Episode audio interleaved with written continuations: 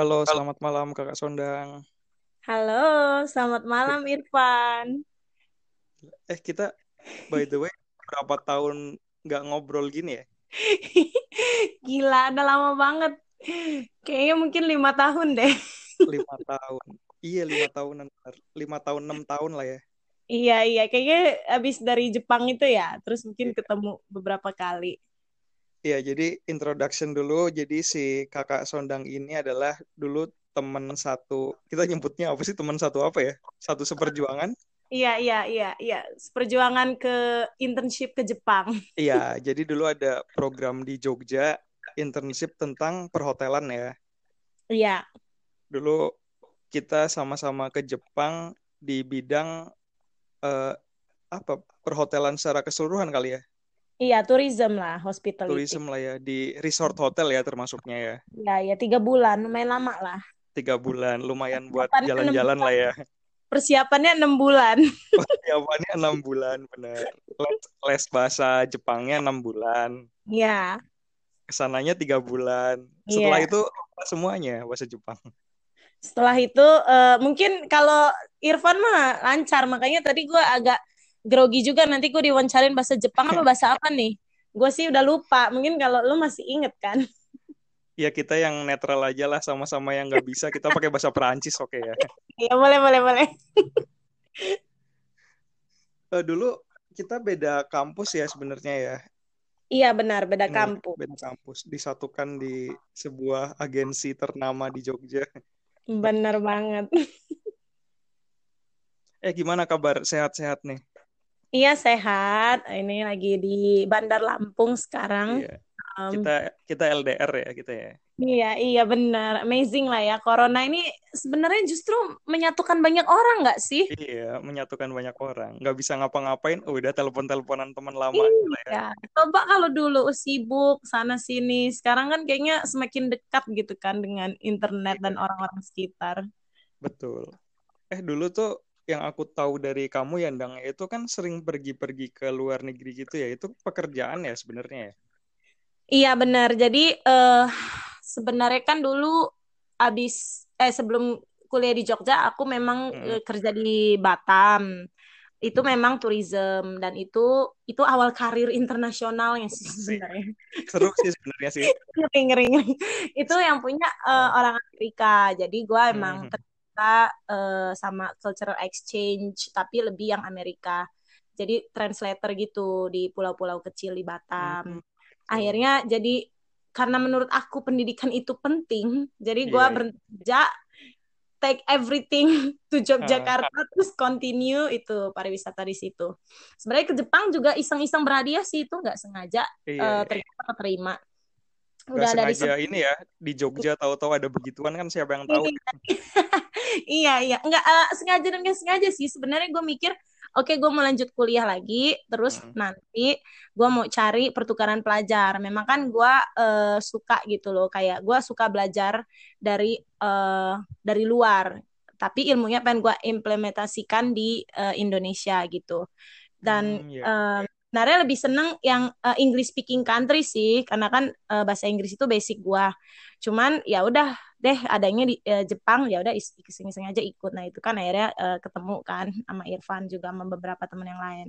Yoi. Tapi di Jepang tuh eh, pelajaran berharga apa yang bisa kamu ambil dulu?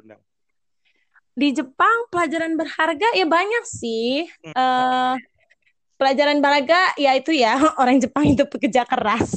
Eh, yes. Mungkin mungkin gini ya, kita sebagai orang Indonesia tuh agak lumayan membandingkan ya kalau kita pergi ke sana ya. Iya benar-benar. Mm-mm. Apa gitu Iya etos kerjanya ya, mungkin number one-nya ya. Iya tapi dan juga orang Jepang itu ramah-ramah juga. Eh, Betul. Dan yang oke, yang gue pelajarin juga nih satu yang gue petik Hmm. hikmahnya setelah eh, s- setelah gue ke Jepang gue tahu bahwa kan gue pikir oke nih bahasa Inggris bahasa internasional, tapi di Jepang dan juga ah, setelah gue keliling juga beberapa negara lainnya, eh, Cina, Korea gitu ya, kalau lo nggak bisa bahasa mereka, lo nggak akan survive gitu loh. Iya, Dan di iya. Jepang itu seperti itu, kalaupun lo bisa bahasa Inggris lo nggak bisa bahasa Jepang, lo nggak akan survive. Akhirnya itulah menurut gue kenapa negara mereka maju karena mereka Iya, proud proud untuk uh, bangga jadi uh, bangsa mereka sendiri gitu loh. Jadi sebenarnya itu sih yang uh, hikmah yang gue ambil dan gue pengen sebenarnya uh, apa namanya orang Indonesia bisa lebih seperti itu gitu. Kita tahu yeah. Iya. budaya lain tapi kita juga bangga sama budaya sendiri.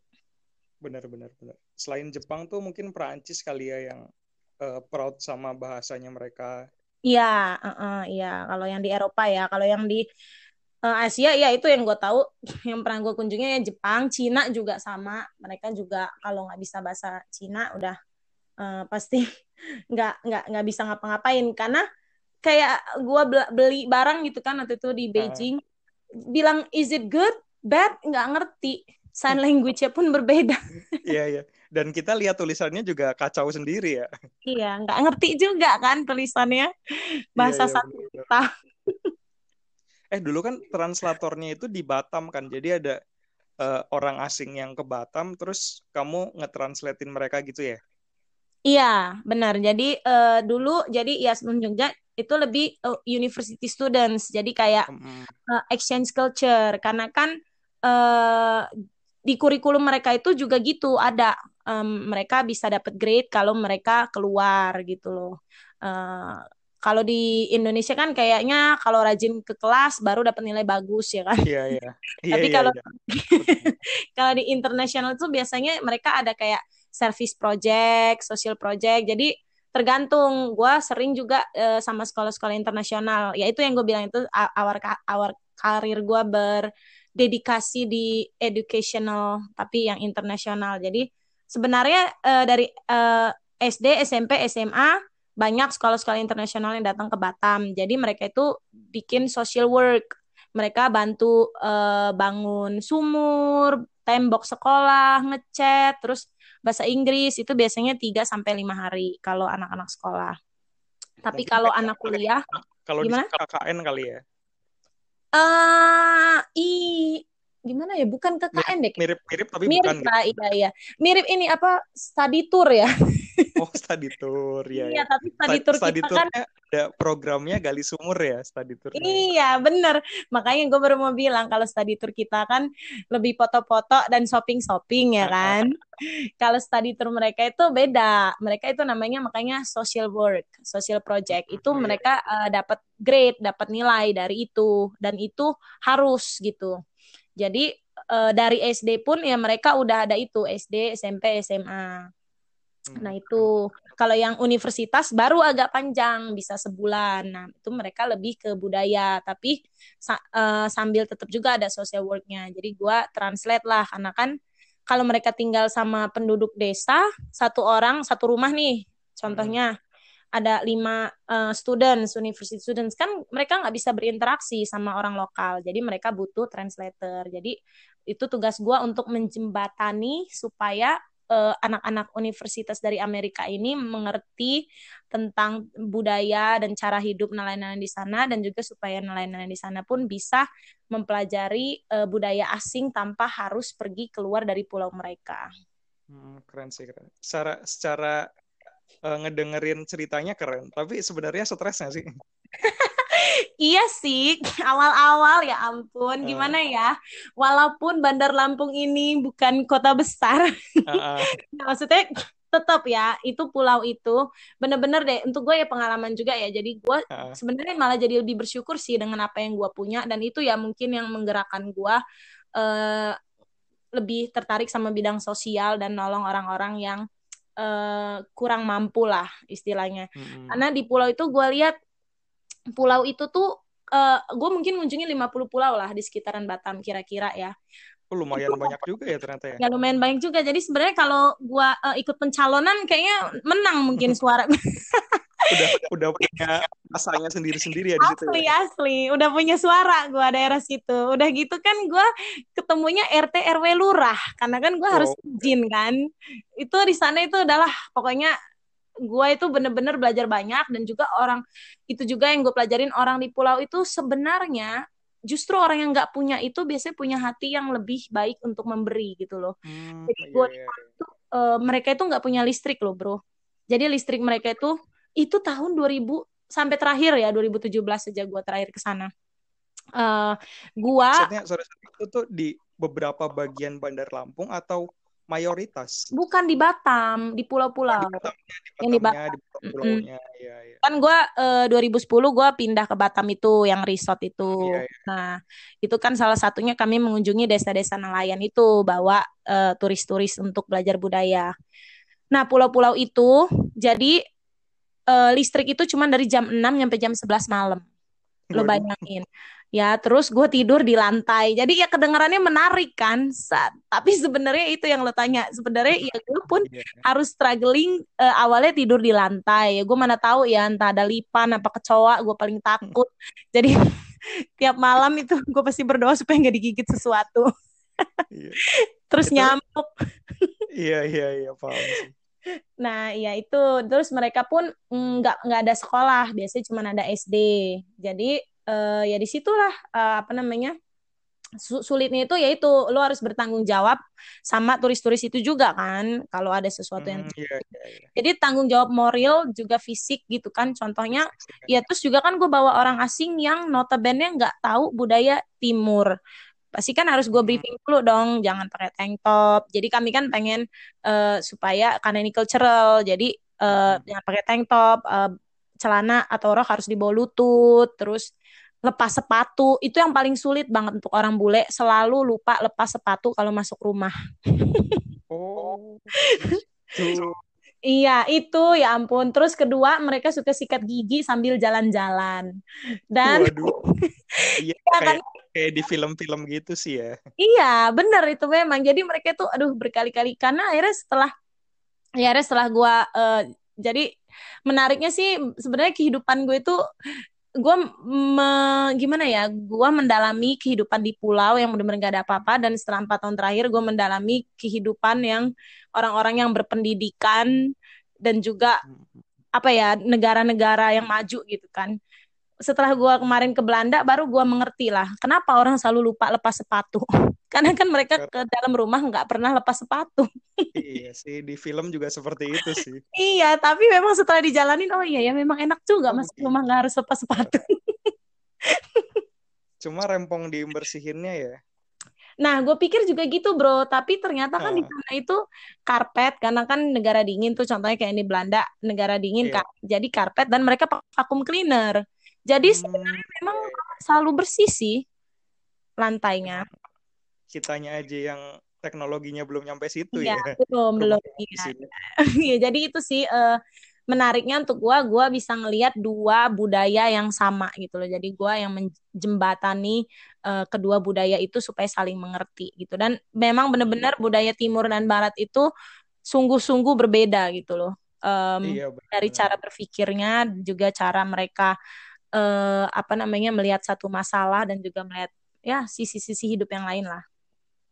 Dan sebenarnya kalau perbedaan budaya gitu tuh nggak ada salah bener ya. Ya beda aja gitu loh. Iya, Ya, benar, iya, betul. ya udah gitu loh. Heeh. Makanya gue dengan turis itu pun kan kadang kan nih contohnya nih banyak turis yang belum pernah mak- makan seafood seumur hidup mereka. Seafood Oh itu iya? including ya, including Oh seafood itu jarang ya di sana? Jarang, bro. Kalau Amerika kan eh, benua besar kan. Jadi kalau lo nggak tinggal Hmm, kayak di California, bagian-bagian pinggir pantai, mereka itu gue sering banget ketemu turis yang nggak pernah makan ikan, nggak pernah makan udang, nggak pernah makan cumi, nggak pernah.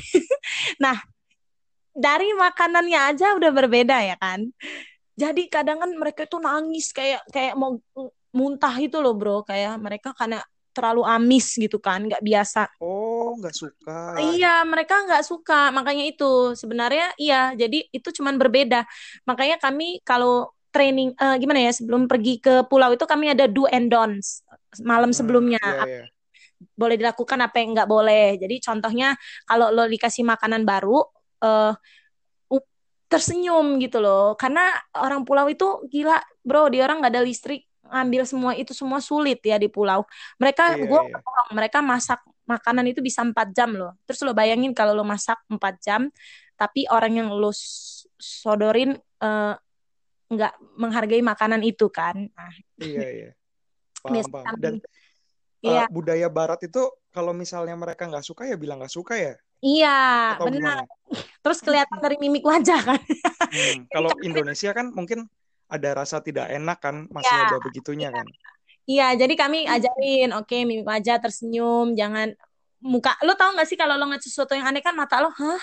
Kayak gitu kan. iya iya iya iya Semangat sedikit, mata menyipit sedikit gitu kan.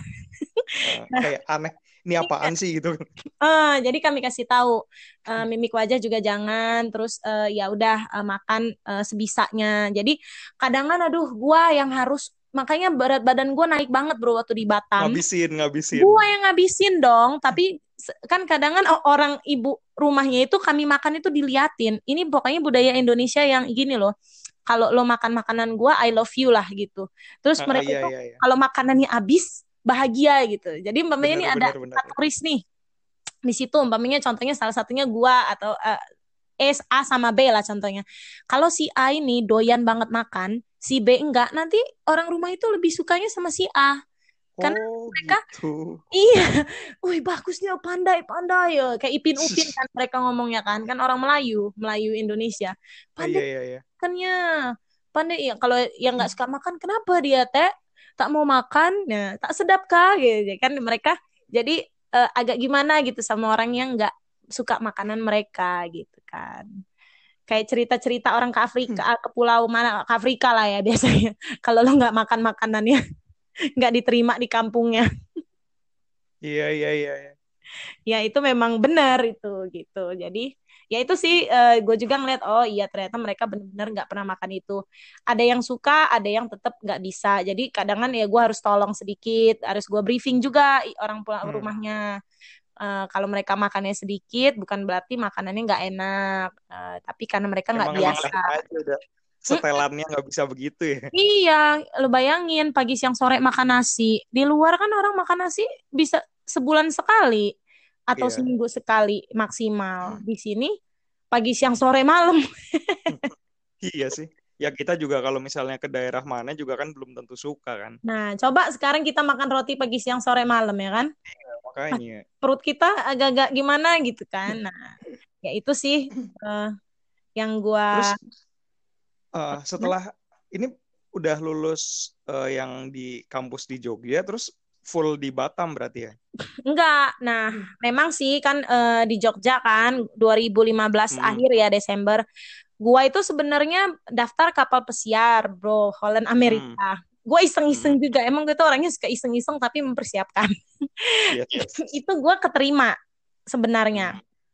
Gua keterima dan ya lo tau lah orang-orang kan pada pengen ya kerja di kapal pesiar kan. Itu juga gue dikasih tau temen gua. Dan saat itu mereka kasih tahu gaji gua dua ribu dolar. 2000 dolar sebulan. gue udah mikir gila nih. Gue kaya raya nih. 10 bulan Ah. pergi punya duit tapi. Tapi akhirnya gue ngerasa itu bukan panggilan gue. Gue ngerasa, ay gue nggak mau lah kerja karena uang gitu. Gue nggak mau uang adalah patokan gue untuk melakukan sesuatu gitu loh. Karena ya itu yang gue bilang, gue itu suka orang, gue people person. Gue pengen pekerjaan gue itu berguna untuk orang lain gitu loh. Jadi gue balik lagi ke Batam dengan gaji yang biasa aja lah dibanding 2000 dolar kan iya, iya. gua gua ngerasa gua masih tetap hati gua masih di di Batam untuk orang-orang pulau itu tapi eh, gua tahu gua kan udah lulus S1 karena kan sebelumnya D3 Eh, gua mikir oke gue coba enam bulan. Gue bilang sama bos gua kontraknya enam bulan aja. Gue lihat nanti gimana karena gue itu suka sesuatu yang baru. Akhirnya setelah enam bulan itu ya gua bikin koneksi banyak tetap ya. Terus eh, apa namanya gue ngerasa oke ini time to move on. Jadi gue balik memang ke Batam tapi cuma enam bulan dan gue ngerasa banget oke ini time to move on jadi gue berhenti eh, dan ya gue sempet lah say goodbye gue kunjungin pulau sebanyak banyaknya untuk saying goodbye sama orang-orang di sana karena orang-orang di sana sebenarnya hal yang bikin gue sulit dari pindah dari pekerjaan itu adalah orang-orang di pulau itu karena kan mereka udah oh anak angkat Iya. kami nih pokoknya gitu iya iya udah kenal satu pulau itu kenal lah karena kan paling cuman 100 sampai 200 orang isi pulau itu. Pulau-pulau kan pulau-pulau kecil. Akhirnya gue balik ke Lampung itu gue nggak ada kerjaan sih, cuman gue pikir udahlah gue memang kayak ngerasa udah berhenti. Tapi tiga minggu kemudian gue langsung dapat kerjaan yang eh, empat tahun terakhir ini gue geluti, geluti. Um, um, kamu gelut sama pekerjaan kamu Iya. sendiri begelut. atau pekerjaan kamu adalah pegulat? Iya, bener bro, bener bro. Oh gitu. Bergulat di alam liar. Nah, Oh ini gitu. Jadi gue itu memang it meant to be ya kalau kata gue itu Hmm. eh, yang penting you do your best everything will follow menurut gue sih Iya, iya. seperti itu ya jadi setelah gue menengok ke belakang I always look back itu gue ngeliat oh iya ya memang semua itu meant to be memang gue eh, memutuskan untuk akhir kontrak Agustus bulan Mei itu gue ketemu direktur eh, Southeast Asia dari pekerjaan gue ini ini ini foundation Hmm. juga jadi ini non profit organization tapi mereka bergerak dalam bidang educational yang bawa anak-anak juga ke around Southeast Asia kayak Kamboja, Thailand, Malaysia, Singapura, Cina. Jadi makanya kalau lo ngelihat foto gua kan ke mana-mana kan, Iya, betul, betul. karena jadi ya itu yang gue bilang lucunya. Gua kemarin di Batam keliling pulau, pindah profesi itu keliling negara. Em, sama tetap gimana? Naik level dong berarti dong. Ya, ya bisa dibilang atau ya Bisa pengalaman yang beda sih. Eh, jadi gua Iya. gua biasanya ngomong sama orang-orang di pulau tentang pendidikan, ngasih mereka encouraging ini. Sekarang gua harus ngomong sama anak-anak berpendidikan, anak-anak international school. Lo bayangin, Bro. Gua aja lulusan sekolah negeri ya kan. Terus gua Iya, ngajarin di Jogja, di Jogja yang posisinya entah di mana, Iya masuk masuk gang gitu. Terus gue harus ngajarin anak sekolah internasional yang yang nih gilanya. Mungkin lu juga tahu beberapa orang ini baru SDG Sustainable Development Goal yang Hmm. di Indonesia baru-baru ini terdengaran gaungnya itu anak-anak internasional itu udah belajar dari mereka kelas 3 4 SD loh. Udah Wow. belajar poverty, udah belajar kemiskinan, udah belajar climate changing. Kita belum nyampe sih. Belum. Nah, makanya itu ya untuk gua itu suatu privilege ya dan juga suatu challenge supaya gua pun improve. Itu makanya gua seneng gitu loh dalam eh, pekerjaan gue nih karena menurut gue eh, ini educational dan juga kami itu kerja sama NGO NGO. Jadi kami Hmm. pun eh, ininya itu inspiring, empowering sama engaging gitu loh. Eh, Wis, Udah moto kayak SPG SPG. ngeri ya, ngeri kan? Iya. Nah, akhirnya itu ya itu gue nggak sengaja ketemu direktur Southeast Asia-nya bulan Mei. Dia nawarin gua langsung udah gue berhenti, gua kontak itu tiga bulan kemudian loh gua kontaknya. Gue Hmm. iseng-iseng aja, eh dibales sama dia dan dia langsung oke, eh, nanti saya suruh HR eh, telepon kamu. Udahnya ada nomor telepon dari Hong Kong nelpon gua. Wih, gue kaget Waduh, ngeri bener gitu gue dari Hong Kong. Oke, ngeri mereka ini ya, ngeri, ngeri harga roamingnya ya. Iya, iya. Tapi gue tahu lah itu kan dia orang yang bayar kali ya. Nah, akhirnya dia telepon, oke, oke, katanya ini kamu. eh, itu trip pertama gue di Jogja, bro. Jadi eh, Indonesia itu salah satu eh, negara tujuan mereka untuk Oh, ini, termasuk Indonesia ya. termasuk Indonesia itu kelas 7. Jadi itu Hmm. ngomongin tentang legacy sama culture. Kan Hmm. Jogja itu situ kan. Ya, cocok sih, cocok sih. cocok. Nah, makanya sebenarnya gue ditawarin itu karena gue pas lagi jemput dia mau ngeliat-ngeliat pulau dan gue bilang gue kuliah di Jogja. Iya, gue bilang gue kuliah di Jogja. Dia langsung, oh kami ada program di Jogja, kamu mau ikut bulan September. Oh iya iya, gue nggak say yes or no. Jadi gue gitu. Kalau ada orang ngasih nawa tawaran, gue oke gitu kan. Nah Hmm. yaudah ditelepon, mereka langsung oke tiga hari kemudian nanti kamu terbang ya. Mereka kirim kontrak, kaget gue bro ngelihat salarinya. Wow. Wow. gila kata gue ini serius Eh, mereka apa bayarnya bagus banget lah gue sampai Eh, kaget gitu kan yang Jadi, tadinya, apa? tadinya yes, tadinya yes or maybe jadi yes lah. gitu. iya iya kan itu udah yes bro yes bro kan gue udah keluar gue udah dari Batam udah out kan gue udah balik ke rumah tiga tiga tiga minggu Mm-mm. tapi pas gue liat, eh gila ya, Eh, apa terbayarkan gitu loh, maksud gue eh, yang gue di pulau panas ini segala macem dan udahnya gue itu eh, trip gue yang pertama di Jogja, udah dari situ eh, ya gue mungkin kerja gue bagus kan, jadi eh, Mm-mm. mereka tawarin trip lagi di Kamboja, di Phuket, di Cina. Itu gue ke Cina pertama kali 2017. Itu mereka semua cover. Visa di cover, eh, asuransi di cover, eh, semualah di cover. Jadi Itu di sana tuh kerjaannya sebagai translator juga atau apa? Bukan, uh, kami bilangnya facilitator atau outdoor teacher. Jadi uh, uh, anak-anak itu panggil gue teacher-teacher. Jadi uh, gini, kami gue ngajarin anak-anak itu tentang hutan di hutan, gitulah mudahnya. Ngajarin laut tentang ekosistem. Ngajarin ngajarin bintang. anak kota tentang hutan gitu misalnya. Benar, iya. Hmm, jadi ya. ada anak, jadi sama. Gue tuh selalu ketemu orang-orang yang first time, first time doing everything first time hmm, iya, iya. hiking, yeah. first time kayaking, ya, paddling, first time doing flying fox itu kan anak-anak gue ini kalau yang ini gue lebih dari kelas 4 SD sampai kelas 12. Jadi hmm, yeah. uh, lebih anak-anak sekolah. Awalnya sih gue juga harus penyesuaian karena kan gue biasanya sama anak-anak universitas kan. Itu kan sedikit beda pendekatannya dengan iya, uh, betul. anak ya kalau anak-anak universitas lo udah bisa ngomong udah bisa lo ajak conversation lo udah bisa ajak berpikiran. Kalau dengan anak-anak uh, sekolah-sekolah ini lo harus apa ya fun. Jadi lo juga harus uh, jadi menurut gue gua setelah gue petik harus tiga hal. Fun hmm, fun safety dan educational. Jadi hmm. uh, tiga itu harus mencakup. Fun agar tidak bosan tapi tetap ada pembelajarannya gitu ya. Iya, dan harus safety, Kalau Bro. Safety-nya adalah apa? Safety-nya tuh maksudnya safety, safety apa nih? Safety kan? waktu di hutan gitu atau uh, benar, itu sebenarnya hmm. pekerjaan gue ini banyak risikonya sih. Makanya kami dibeliin asuransinya yang mahal. Jadi asuransi kami ini mengcover uh, biasanya kan kalau uh, itu 50 ribu dolar ya. Ini kami cover everything. Jadi seandainya perlu helikopter, helikopter itu datang gitu loh istilahnya. Karena kan hutan-hutan beneran hutan nah, ya. benar. Terus ini kan yang dibawa ini anak-anak orang kaya, Bro, anak-anak internasional. Oh, Aduh, ngeri juga sih. Nah, ya anak-anak CEO, anak-anak diplomat, anak-anak pejabat. Lo tahu sendiri kan, itu kami yeah. banyak banget polisinya. Contohnya child protection policy. Nih, lo kalau tahu kasus Jakarta International School ya. Itu itu menggema sampai seluruh dunia. Tapi jadi gara-gara itu semua lebih ketat. Jadi lo nggak bisa one on one dengan anak gitu contohnya. Kalau anak di kamar mandi, lo nggak boleh masuk walaupun kamar mandi itu ada lima berderet harus tunggu dulu.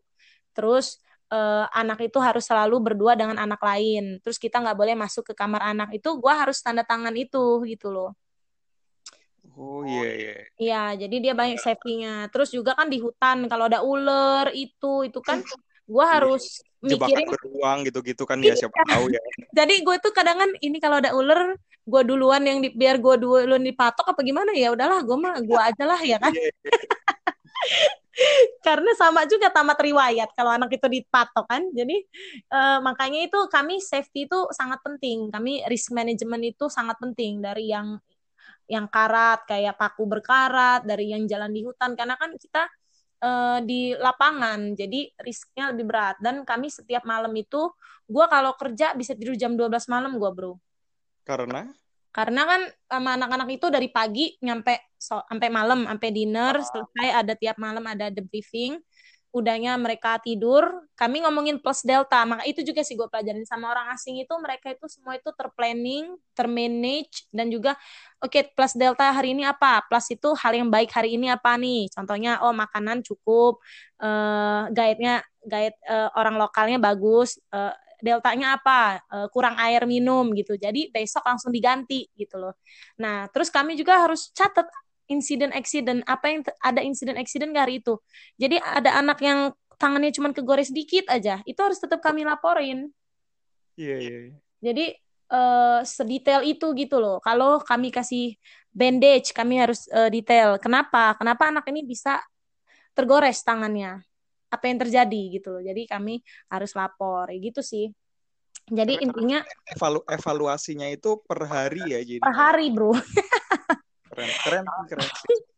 Per hari terus nanti ketemu dulu lagi sama gurunya. Guru kan itu ada guru. Jadi uh-uh. kalau uh, gini kak jadi gue mulai karir gue dari fasilitator itu ya jadi uh, outdoor hmm. educatornya. Dan ya itu sih uh, syukurnya ya mungkin pekerjaan gue bagus uh, jadi gue udah naik jabatan jadi program manager. Kalau hmm. lo program manager waktu tidur lo lebih sedikit lagi. Karena iya yang fasilitator udah tidur, program manager harus ketemu sama gurunya. Tanya, nah dari dari kacamata gurunya apa nih plus deltanya? Contohnya, mereka bisa komplain apa pun. oh fasilitator di grup kami kurang bagus dia nggak memperhatikan muridnya gini-gini jadi fasilitator itu biasanya dua orang untuk 20 murid dan Hmm, biasanya iya, iya, iya. satu atau dua guru gitu nah Terus sambil kamu kerja keluar-keluar negeri itu tuh ini terakhir ya aku lihat yang di Instagram lagi bikin sebuah yayasan juga ya. Nah, iya akhirnya, nah itu kan gue belajar banyak yang gue bilang Mm-mm. educational ini, jadi gue tahu banyak game eh, soft skill ya lebih, karena kami lebih Ah, ah, iya iya. leadership, team building, eh, public speaking, makanya itu gue mengerti kenapa ya anak-anak asing ini critical thinking gitu loh, Mm-mm. mereka itu bisa outgoing, bisa ngomong, coba gue nggak ngerti ya sekolah gue dulu lah seenggaknya. Iya guru iya. guru selesai peker- pel- pelajaran. Ada pertanyaan silent. Sudah mengerti silent. Oke boleh Iya pulang. benar benar benar. nah. Pasti itu pasti. nah iya kan? Jadi gue bilangnya D4 datang duduk diam dengarkan Iya iya benar. kalau sama anak di luar itu gue lihat apa yang bikin mereka ini berbeda? Nah itu mereka itu menekankan soft skill itu. Makanya anak-anak itu rela bayar mahal untuk pergi ke hutan pergi ke mana-mana lah pelosok atau ini. Karena itulah yang bikin eh, mereka itu keluar loh jiwanya untuk team building, saling menolong, leadership, karena kita kasih activity-activity. Nah, Mm-mm. kemarin ini eh, terakhir gua program kan gua di Laos. Em, udahnya gua balik ke Thailand karena kantor gua kan di Bangkok, eh, yang kantor terbesarnya. Udahnya Iya, iya. gua ke Belanda, memang gua ada short study dua bulan. Terus kemudian negara api menyerang, semua orang terkena virus kan. Yo, nggak Nah, kelar kelar ya, apa? nggak kelar kelar. Iya benar. Akhirnya, akhirnya gue harus pulang ke Indonesia kan bulan Oh. Maret. Gimana? Iya, terus setelah Nah, pulang Nah, berencana untuk mendirikan itu. Gua nggak berencana sih bro, itu by accident sebenarnya. Jadi Hmm, iya. gua uh, bulan Maret gue pulang kan, itu kan gue pulang gue self karantina dong dua minggu ya, karena aku kan negara Indo uh, warga negara Indonesia yang baik dan Yang benar. baik. Jadi gue bener-bener di rumah nih dua minggu, sampai depan rumah gue tuh Pak RT, dia nggak tahu kalau gue udah pulang. Nah, Hmm. jadi selama gue karantina itu gue mikir, gila nih corona banyak orang yang nggak punya pekerjaan ya kan terus gue denger-dengar eh, banyak ya orang makin susah cari makan gini-gini gitu-gitu terus gue mikir kan berbeda banget ya bro, bro ekonomi di Belanda dan Indonesia Iya. gue makan di sana paling murah 15 euro itu 250 ribu sedangkan Oh, wow. Wow, wow, wow. ya sama lah kayak di Jepang kayaknya mahal lo juga tahu lah Iya sih. iya kan nah Nah, pulang ke Indonesia makan cuma 10-15 ribu. Dan gua dan gue inget iya makin banyak orang di jalanan kayak pemulung. Gue mikir eh, sebenarnya mungkin kalau dipikir-pikir kenapa akhirnya gue bikin yayasan itu? Yaitu awalnya itu gue tuh cuman pengen bantu orang aja gitu loh. Eh, dengan kemampuan gue karena kan gue pikir eh, walau gimana pun gue tetap lebih beruntung. Karena gue punya rumah dan gue tetap punya makanan untuk dimakan dan gue Mm-mm. punya pendidikan. Gue tetap bisa kerja ya kan sebenarnya kalau gue mau gitu loh. Ada aja yang bisa gue kerjain kan. Iya, terus dan eh, sebenarnya salah satunya lagi yang gue ingat sebelum gue minggu itu sebelum gue pergi ke Belanda eh pergi ke Belanda pulang ke Indonesia di Belanda gue ketemu eh, homeless homeless guy orangnya nggak punya rumah. Dia itu Hmm. jualan kartu sama gue kata dia. Dia eh, terserah mau ngasih berapa aja. Dia nggak ada eh, tempat tinggal dia cuma pengen untuk bisa nginep di ada rumah penampungan tapi bayar di sana 5 euro. Memang gue pengen ngasih 5 euro sama dia.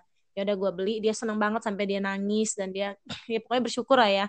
Dan gue Hmm. itu pas gue balik ke Indonesia gue teringat dia gitu loh. Kata gue gila ya corona ini gimana ya orang yang nggak punya rumah orang yang punya rumah aja susah apalagi orang yang nggak punya rumah ya udah akhirnya setelah gue dua minggu karantina gue pikir gue mau bagi-bagiin makanan eh, ke di jalanan Em, Hmm, iya. kan Awalnya itu ya, awalnya. awalnya itu bro awalnya bagi nasi kotak gratis.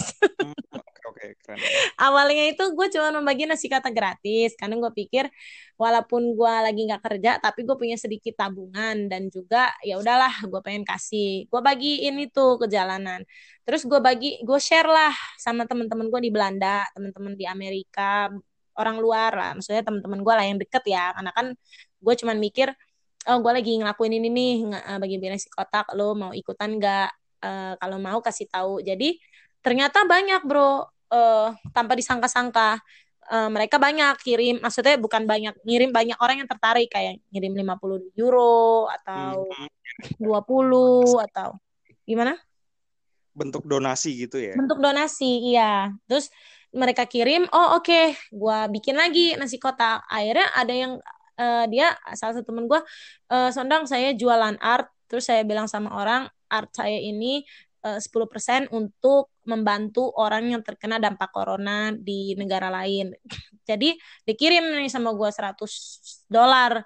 Kata gue waduh banyak banget sebenarnya kalau gitu kan. Jadi gue mikir apa ya kasih apa ya lagi akhirnya kakak gue kasih tahu tuh deh ada kampung orang buta kata dia deket hmm. daerah rumah kita di situ ada paguyupannya jadi ada 37 kakak itu orang buta semua bro nah jadi? Iya. Kayaknya itu karena satu orang pindah ke situ. Orang-orang buta yang lain mengikuti gua rasa. Jadi, nah mereka itu ada pagi-pagi di situ. Jadi mereka itu cuma jualan kerupuk dan uh, pijet orang buta gitu-gitu loh. Tapi lo bayangin corona memang ada tak yang mau pijet. Yang pertama ya kan. Terus yang iya, kedua jaga jaga kontak fisik lah ya istilahnya ya. Iya, terus yang kedua kerupuk ya kalau nggak penting-penting banget kayaknya gue lihat orang nggak akan mau beli ya kan? Jadi benar. Nah iya akhirnya ya udah gue pikir oke okay, gue kasih sembako nih kampung orang buta itu. Cukup ternyata akhirnya gue sharing lagi. Banyak juga yang mau ngasih lagi. Jadi cukuplah kami kasih beras minyak mie itu apa namanya gula gitu-gitu. Lumayan lah mereka dapat sembako itu kan Nah ya udah akhirnya gue mikir lagi sebenarnya itu ya dari pakai proses sih dalam berapa bulan itu kan gue mikir oke okay, uh, eh, lo pernah denger istilah nggak kalau orang jangan dikasih ikan tapi diajarin cara mancing. Iya benar benar benar. nah gue ngerti ya teman-teman gue yang intelektual dan uh, apa itu namanya yang critical thinkingnya terlalu tinggi pasti karena gue tahu ada beberapa teman gue yang bilang gue nggak pernah mau ngasih orang uang atau makanan. Menurut mereka hmm. gitu. Karena menurut mereka itu ngajarin mereka males. Tapi menurut gua ada waktunya lo harus kasih orang makanan, ada waktunya lo harus kasih orang sesuatu yang lain gitu loh. Kalau orang yes. kelaparan, menurut lo mereka kan ngerti nggak apa yang lo ajarin? Enggak kan? Ngertinya masih rames lah. Iya, nah itulah kan itu kan sandang pangan pokok. Apa sandang iya. pangan apa nih? nah, number one lah. Nah, jadi akhirnya gue pikir, oke, okay, uh, eh, kan gue udah kasih makan sembako, gue pengen apa nih investasi lain yang mengajarkan mancing ikannya itulah, kalau yang dari istilah. Akhirnya gue mikir, hmm. oke, okay, uh, eh, gue mengajar bahasa Inggris sama soft skill di panti asuhan. Karena kan set, uh, sebelum itu kami ke panti asuhan juga ngasih mas, nasi kotak juga gitu, uh, gratis untuk anak-anak itu. Hmm. Akhirnya gue hubungin bapak yang punya panti, uh, bapak itu senang karena dia juga suka anak-anak itu belajar bahasa Inggris untuk mereka penting dan soft skill. Ya udah akhirnya dari situ gue ngajar sama kakak gue jadi uh, yayasan ini juga sama kakak gue gue dirikannya. Jadi kakak gue juga guru. foundernya berdua sama kakak? Iya foundernya berdua tapi namanya nama gue karena ya bukannya namanya ini apa?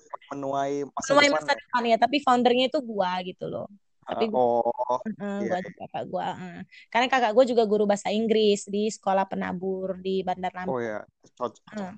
ya jadi cocok jadi kan dia education itu ngajarnya itu khusus yang sampai saat ini tuh masih di apa tadi panti asuhan ya masih, uh, uh. sebenarnya gue tuh pengen ngajar anak-anak di jalanan, bro. Hmm. Yang menurut gue mungkin gak ada pendidikan sama sekali, tapi ya ada obstacle-nya. Maksudnya rintangan itu pertama yeah. punya tempat ya kan, karena kan gue belum punya uh, lahan yang luas. Yang kedua uh, anak-anak kayaknya sih anak-anak di jalanan itu juga ada yang ini ya, bro. Biasanya ada yang manage eksploitasi anak nggak sih kadang bener. Iya bener bener bener.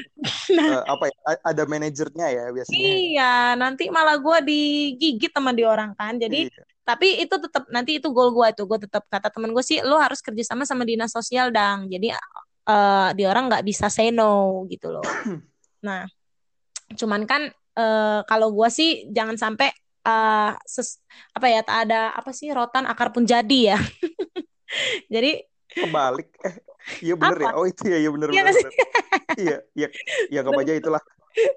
Nah jadi gue pikir oke okay lah kalau nggak bisa jangan sampai itu menjadi halangan rintangan. Jadi gue pikir oke okay, panti asuhan aja dulu. Karena kan panti asuhan ada yang manage ya kan terus ada tempat. Nah, jadi uh, akhirnya gue mulai sama kakak gue kami ngajar bahasa Inggris sama soft skill. Jadi uh, eh, gue kan banyak activity yang gue bilang kayak leadership, team building, ini itu. Jadi anak ya itu gue bisa lihat perubahannya anak-anak yang tadinya nggak mau ngomong, sekarang uh semangat, bisa ngomong, bisa kami ajarin grammar juga makin meningkat. Jadi anak kelas 2 mereka udah bisa present tense. Wih, itu ntar di, di sekolahnya udah langsung top ya? Iya iya, amazing. Nah, di mana nih? Nah itu makanya karena anak-anak di panti asuhan yang ini, bro, mereka itu homeschool.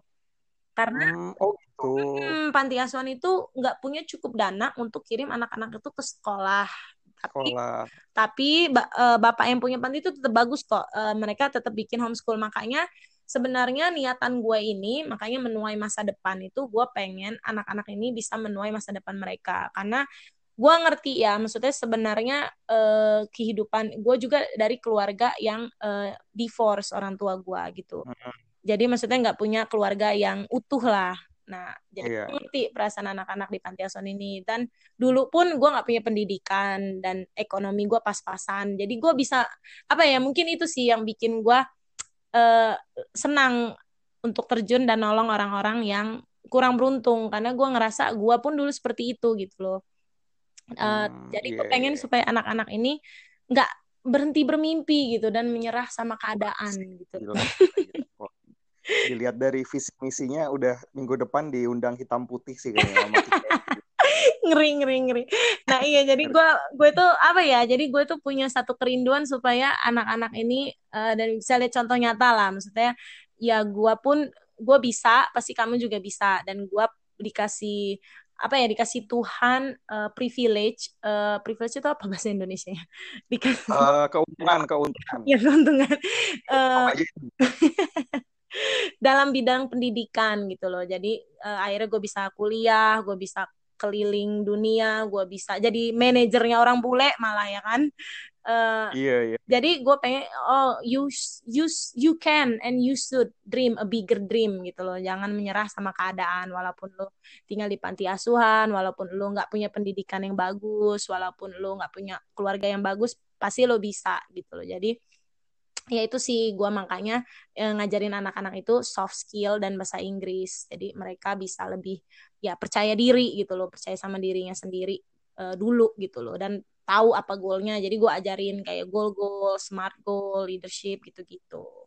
Nah akhirnya tapi iya maksudnya untuk life goal gitu tuh uh, maksudnya kita aja orang dewasa kadang ya punya teman ditanya kamu nih tujuan hidupnya apa ya? Itu kadang mereka tuh masih ngeblur gitu loh Iya. Iya nggak? Kamu pasti punya teman-teman yang goalmu tuh apa sebenarnya? Nggak tahu asal jalan aja lah gitu. Iya. Pasti ada kan? Iya, iya, iya, iya, benar-benar iya. Makanya Kalau jadi ditanemin ke anak kecil tuh mungkin bisa lebih ke dewasanya bisa lebih tahu mereka bakal seperti apa ya. Iya, jadi gue pengen mereka itu dan gue juga selalu ngajarin mereka uh, ya itu yang gue bilang kayak problem solving. Ini apa? Mm -hmm. Jadi gue nggak ngasih tahu langit selalu biru, pohon selalu hijau itu uh, hmm. eh, gue bilang nggak ada jawaban yang benar dan salah. Maksudnya kayak apa yang kamu rasakan itu kan nggak ada jawaban yang benar dan salah. Dan uh, eh, gue ajarin mereka dari awal kalau orang uh, mengutarakan perasaan uh, jangan diketawain gitu. Atau kalau orang salah jangan diketawain gitu. Harus didukung. Jadi uh, atau kalau mereka bikin choices kenapa kamu pilih ini? Jadi gue selalu ajarin mereka kamu harus tahu alasan kenapa kamu memilih ini gitu jangan kamu nggak tahu jadi kalau bisa uh, dikasih alasannya gitu jadi itu teknik gue ngajarin anak-anak ini gitu loh dari melalui activity hmm, keren sih keren tapi untuk masalah yang misalnya uh, apa ya yang tadi kamu bilang tidak ada yang salah dan benar ya. Mm-mm. Mungkin itu juga agak ada apa sih istilahnya teracuni oleh edukasinya orang Indonesia nggak sih? Kita kayak misalnya ada pilihan ganda yang yang pasti benar itu adalah A, pasti benar adalah B gitu loh. Iya, iya, iya. Iya. Jawaban isainya pun bahkan itu ada ada jawaban yang pasti benar, ada yang salah gitu loh. Iya, iya, iya. Iya, makanya eh maksudnya gimana ya? Makanya gue tuh pengen ngomongnya ini gini, kayak kalau orang ngasih eh contohnya kalau gue tanya mereka nih, kenapa kamu eh, untuk menurutmu kam lebih mudah kerja team building atau sendiri? Kan gue suka dari game kan, lebih mudah kerja sendiri atau sama orang lain? eh mereka tuh malu gitu untuk ngasih tahu. Jadi gue harus kasih tahu. Ini gak ada jawaban yang benar dan salah gitu loh. Eh ada orang yang berpikir lebih mudah bekerja sama orang lain, ada yang berpikir lebih mudah bekerja sendiri, ya kan? Jadi Iya, ah, eh, jadi mereka percaya diri gitu loh untuk kasih tahu jawaban mereka karena kan iya karena kita di Indonesia kan kalau ditanya itu tuh guru itu udah tahu nih mana jawaban yang benar dan salah kan. iya. Nanti kita bilang kerja sendiri salah, lebih Salah, mudah iya. gitu kan. Makanya, saya aja ada salah dan benar gitu loh. Nah, iya, jadi kan akhirnya anak itu takut karena yang selalu ditekankan adalah kesalahannya gitu loh. Gua pun kadang-kadang harus Hmm. coba kasih tahu diri gue sendiri gitu. Kadang kan gue suka lupa, biar gimana pun gue orang Indonesia kan, dan gue dapat Yoi. pendidikan yang Indonesia.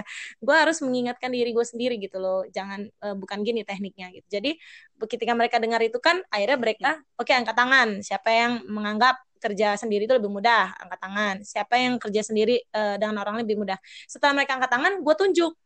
Em, kenapa menurut kamu kerja sendiri lebih mudah? Nah, itu yang gue bilang. Mereka harus tahu alasannya gitu loh. Hmm. Supaya mereka, gue bilang, "E, kamu harus tahu kenapa kamu memilih lebih mudah kerja sendiri gitu. Jadi gue tuh eh, ingin eh, menekankan sama mereka itu supaya mereka tuh tahu pilihan mereka bukan karena semua temen gue nunjuk tangan bahwa kerja sendiri lebih mudah gitu loh. Iya, iya benar-benar. Nah, itu sih. Jadi gue tuh pengen eh, anak-anak itu dari sekarang sudah eh, ter- udah tahu gimana cara memproses data, mengolah eh, ini siapa diri mereka gitu loh, Bro. Jadi ketika mereka besar mereka nggak ikut-ikutan semoga nggak ikut-ikutan pergaulan yang salah ketika semua Hmm. orang tiktokan kalau lo nggak tiktokan berarti Hmm. lo nggak up to date gitu kan Aduh, itu aplikasi kenapa ada di dunia sih? ya itulah contohnya kan. Jadi eh, mereka itu tahu pilihannya gitu loh, Bro. Harapan gua itu itu. Jadi eh, semoga mereka inget gitu loh bahwa eh, mereka itu spesial gitu loh. Mereka itu nggak usah harus mengikuti apa yang dunia ini katakan, mana yang cool, mana yang enggak gitu loh. Karena mereka tahu siapa diri mereka gitu. Jadi inti dari eh, yayasan ini tuh mungkin nomor satunya adalah self improvement ke bagi mereka ya mungkin ya. Iya, soft skill. Iya, benar. Jadi gua makanya gua ngajarin knowing yourself, leadership, Hmm.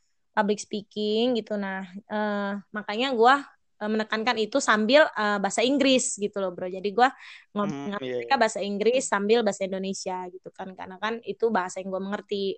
Bahasa Jepang gua belum bisa kan. Maksudnya lupa. Pernah bisa. Pernah bisa. Nihongo wakarimasu. Pokoknya ada, ada orang ngomong bahasa Jepang udah itu ya pokoknya dijawabnya. Ya itu aja ya ya. Cuman itu anatara anatawa kirai des saja lah. Wih. Nah. Itu kalau nggak salah di ini ya menuai masa depan itu ada lisensinya ya terakhir ya kalau nggak salah. Nah, iya akhirnya Nah, setelah itu gue pikir, oke, gue mau bikin legal foundation yayasan. Karena kan Hmm. gue pikir kalau gue pengen, kan sementara ini gue support dari teman-teman deket aja kan, bro. Jadi Iya. teman-teman yang eh, support gue, karena kan ya mereka tahu lah, gue kan eh, kalau orang yang kenal gue pasti tahu lah hati gue untuk Klasik. sosial ya. Jadi ya mereka pun apa? Iya, Ya, mantap. Mereka pun percaya lah maksudnya pasti gue tuh ng- ngelakuin hal itu. Karena gue selalu eh, ngomong-ngomongin soal itu gitu kan. Nah jadi sejauh ini sih baru dari temen-temen yang temen-temen deket. Jadi kadang ada yang kasih dana ada yang kasih alat tulis. Kalau mereka kasih alat tulis boleh. Kasih barang boleh. Kayak waktu bagi-bagi sembako ada yang mau ngasih mie boleh gue terima kata gue. Gue bilang. Mm-mm. dan juga gue tekankan sama orang-orang itu em, menolong itu nggak harus besar loh, nggak harus nunggu lo kaya baru lo nolong orang lain, kata gue.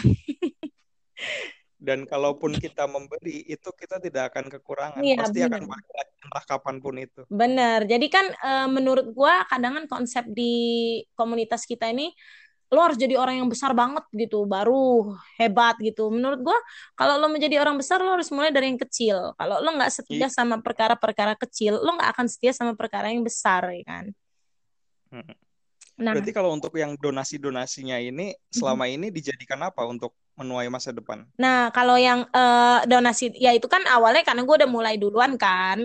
Tapi yeah. kan rencana gue ini gue pengen kalau bisa uh, dapat dukungan dari pemerintah gitu loh bro. Kayak dinas hmm. pendidikan atau perusahaan-perusahaan. Kayak contohnya kalau uh, kami ke perusahaan mie nah mereka bisa sponsorin anak-anak ini uh, bisa makan mie lah atau minuman gitu kan wah tiap hari Indomie. Bukan loh kalau ada kegiatan aja. Oke. Okay. jadi maksudnya, nah gitu loh. Jadi tapi kan maksud gue gini, uh, kalau temen kan ya gue nggak perlu butuh legal foundation tapi kan iya, kalau yeah, yeah. gue mau big shooting a big star maksudnya kayak pemerintah bener, bener. kan ya gue harus punya foundation dong uh, atau uh, perusahaan-perusahaan. Jadi mereka bisa ngiklanin apa yang mereka gitu loh bro take and give. Tapi gue tetap ininya sosial. Jadi uh, kalau ini sih ini contohnya jadi gue tuh kumpulin dananya itu per program aja loh bro. Jadi gue hmm, cuman oh gitu. Uh -uh, jadi bukan ada ya semoga ada ya kalau mau ada yang mau kasih donatur tetap sih dengan tenang hati ya kan. Karena kan se sebenarnya gue tetap berjalan loh ngajar di panti asuhan ini seminggu dua kali. Setelah ngajar kan gue bawain anak-anak ini snack bro. Jadi uh, oh, gitu ya. gue bawain mereka jajanan karena kan gue pikir mungkin anak-anak ini jarang jajan kan. Terus juga pakai hand sanitizer ya itu kan uh, apa namanya gue awalnya ya udah nggak apa-apa dana gue sendiri gue mah nggak masalah gitu loh maksud gue ya anggap aja ini uh, my way to give back to community lah dari energi Wih, dari ya time ya sedikit uang tapi kalau gue bikin program besar biasanya gue uh, apa ya namanya woro-woro ya Iya, iya. Woro-woro. Jadi kayak gini nih, gue mikir gue mau bagiin mie ke jalanan. Nah nanti gue uh, message aja personal teman-teman gue yang kayaknya terpanggil atau pernah ngeliat status gue, wih dang nanti kalau ada lagi kasih tahu ya gue mau ikut dong partisipasi gitu jadi gue kasih tahu gue mau bikin ini nih Ami ya kadang mereka cuma donasi 50 100 yang apa apa gue terima udahnya kan kumpulin kan banyak kan karena Iya, berapapun itu pasti berarti. Berapapun, iya gue bilang atau mereka pengen bantu di tempat, bantuin bagi-bagi ya. Tenaga, tenaga. Uh, tenaga ya. boleh kata gue. Jadi gue uh. tuh nggak pernah gue say no. Jadi gue bilang menolong itu nggak selalu nggak harus selalu banyak yang kedua uh, yang apa jangan nunggu lo kaya dulu kan yang maksud gue yang pertama yang kedua nggak harus selalu banyak yang penting itu niat lo untuk menolong gitu loh dan menolong itu bisa dalam bentuk apa pun bentuk ya energi time atau money. Ter tergantung lo terpanggilnya dan punyanya yang mana gitu loh. Jadi um, setelah gue geluti gue geluti sekarang gue geluti anda orangnya suka ya gue bingung istilahnya apa di dalam bahasa Indonesia jadi gue ingetnya uh, iya paham sih paham suka kebalik-balik kan lu juga setelah lu pulang iya. Iya, iya. nah setelah uh, apa ya itu gue geluti aja setelah gue geluti akhirnya gue sadari sebenarnya orang itu banyak kok bro yang ingin melakukan sesuatu sama masyarakat bener, sekitar bener, mereka bener. iya banyak cuman kadang mereka itu don't know how to do it mereka nggak tahu bagaimana uh nggak ada, wadahnya iya mereka uh, benar jadi mereka nggak ada wadahnya dan nggak tahu gimana cara melakukannya gitu loh. Setelah gue bergerak betul, baru kan mereka ini ini ini. Gue sih sebenarnya dari awal uh, nggak ada orang lain pun gue tetap mau melakukannya gitu bro. Karena kan kan gue yang punya skillnya juga yang gue ngajarin itu kan iya. gue memang punya. Tapi kalau orang mau bantu gue dengan senang hati pasti gue terima gitu loh. Jadi pun dari situ kan gue lihat oh sebenarnya ya ternyata banyak loh orang yang uh, pengen melakukan sesuatu sama komunitas mereka pengen ini. Tapi mereka nggak tahu gimana caranya. Jadi gue pun menyemangati lo uh, yang itu yang gue bilang lo nggak usah harus tunggu melakukan yang besar banget. Kalau lo nggak gue inget nih pepatah bukan pepatah ya gue baca di quotes quotes. quotes ya di buku. Dia bilang gini untuk kalau lo nggak bisa ngerubah dunia, lo rubah negara lo. Kalau nggak bisa rubah negara, lo rubah uh, kota lo. Nggak bisa rubah kota rubah community rubah family rubah diri lo. Sebenarnya lo harus dari diri lo sendiri dulu gitu loh. Jadi intinya itu. Jadi kan uh, yang maksud gue itu ya gue sih pengennya ngerubah dunia ya kalau lo tanya. Iya. Seenggak-enggaknya Indonesia, cuman antara menjentikan jari seperti Thanos ya. Uh, bener, cuman kan gimana ya? Gue bilang gini, daripada gue marah-marah, ngomongin negara begini orang korup orang nggak peduli ya udah gue lakuin aja apa yang gue bisa gitu loh. Menurut gue kalau gue nunggu ya pemerintahan itu nggak ada yang sempurna kok. Lo ke negara mana pun pasti iya, seperti itu pasti gitu. ada ada boroknya juga ya. Iya jadi kadang kan kita itu suka marah-marah sama pemerintahan. Tapi menurut gue harusnya kita tanya diri sendiri kamu udah melakukan apa? gitu loh. Maksudnya ada udah hal lain ada hal nggak yang kamu lakukan daripada cuman komplain? Nah jadi ya gue pikir oke okay lah kalau gue ngerasa edukasi di Indonesia kurang bagus dan gue belum bisa ngerubah itu secara besar gue akan ngerubah itu dalam skala kecil gitu loh dengan yeah. Iya. uh, memberikan apa yang bisa gue kasih gitu di orang-orang yang bisa gue jangkau gitu bener sih banyak sebenarnya orang baik di sekitar kita yang ingin berbuat sesuatu cuma nggak tahu caranya gimana memang bener sih kata iya benar jadi ya itu akhirnya bikin yayasan itu ya sebenarnya secara uh, legalnya itu baru 26 Agustus, Bro, keluar dari Kementerian Hukum. oh, ya apa-apa lah, step by step lah. Iya, jadi belum sebulan, tapi uh, ini akhirnya gue, kan ini gue baru satu panti asuhan. Panti asuhan. Ini memang minggu ini gue udah connect sama panti asuhan yang kedua. Jadi gue uh, bikin short program gitu.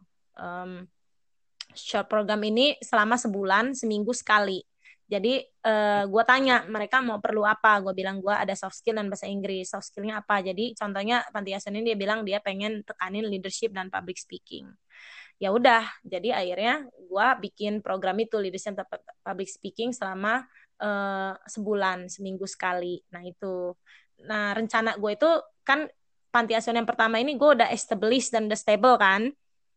Nah baru gue panti asuhan yang kedua. Maksud gue nanti gue cari panti asuhan yang lain juga gitu. Short program sebulan ngajarin yaitu leadership public speaking atau team building tergantung mereka perlu apa. Jadi uh, gue pengen menjangkau banyak panti asuhan. Se iya, cuma memang harus satu persatu ya. Iya, nanti kalau bisa ya sebenarnya gue pengen uh, anak jalanan, tapi ya udah nggak apa-apa ini dulu. Jadi ya itu sih uh, programnya yang gue pengen terapin. Jadi short program nanti uh, kan udah ada yayasan bisa gue kasih sertifikat juga gitu. Uh, apa namanya bahwa mereka udah ikut pelatihan kepemimpinan dan public speaking gitu. Wih keren. Kalau misalnya deket aja deh gue tak bantuin tiap hari. iya bro, bener. Nah itu rencana gue. Itu pun salah satu itu kan long term plan ya. Kan gue banyak uh. temen-temen gue orang asing nih uh, yang di seluruh dunia lah. Itu pun mereka yeah. bilang eh gue pasti mau jadi gue rencana gue tuh ke depannya pun gitu bro. Teman-teman gue yang mau datang ke sini kan mereka tuh suka backpackers kayak ini. Daripada mereka itu kan mereka suka ngajar-ngajar di panti. Gue bisa datangnya yeah. di speaker gitu loh. Rencana gue itu gitu. Jadi uh, orang-orang itu bisa datang atau kan gue ada yayasan bisa gue kasih visa kalau memang perlu kalau memang mereka mau. Yoi keren keren. Mm -mm, kalau mereka memang mau tinggal di Lampung selama enam bulan, oke, okay. kan visa bisa keluar mereka kerja di yayasan, ya kan?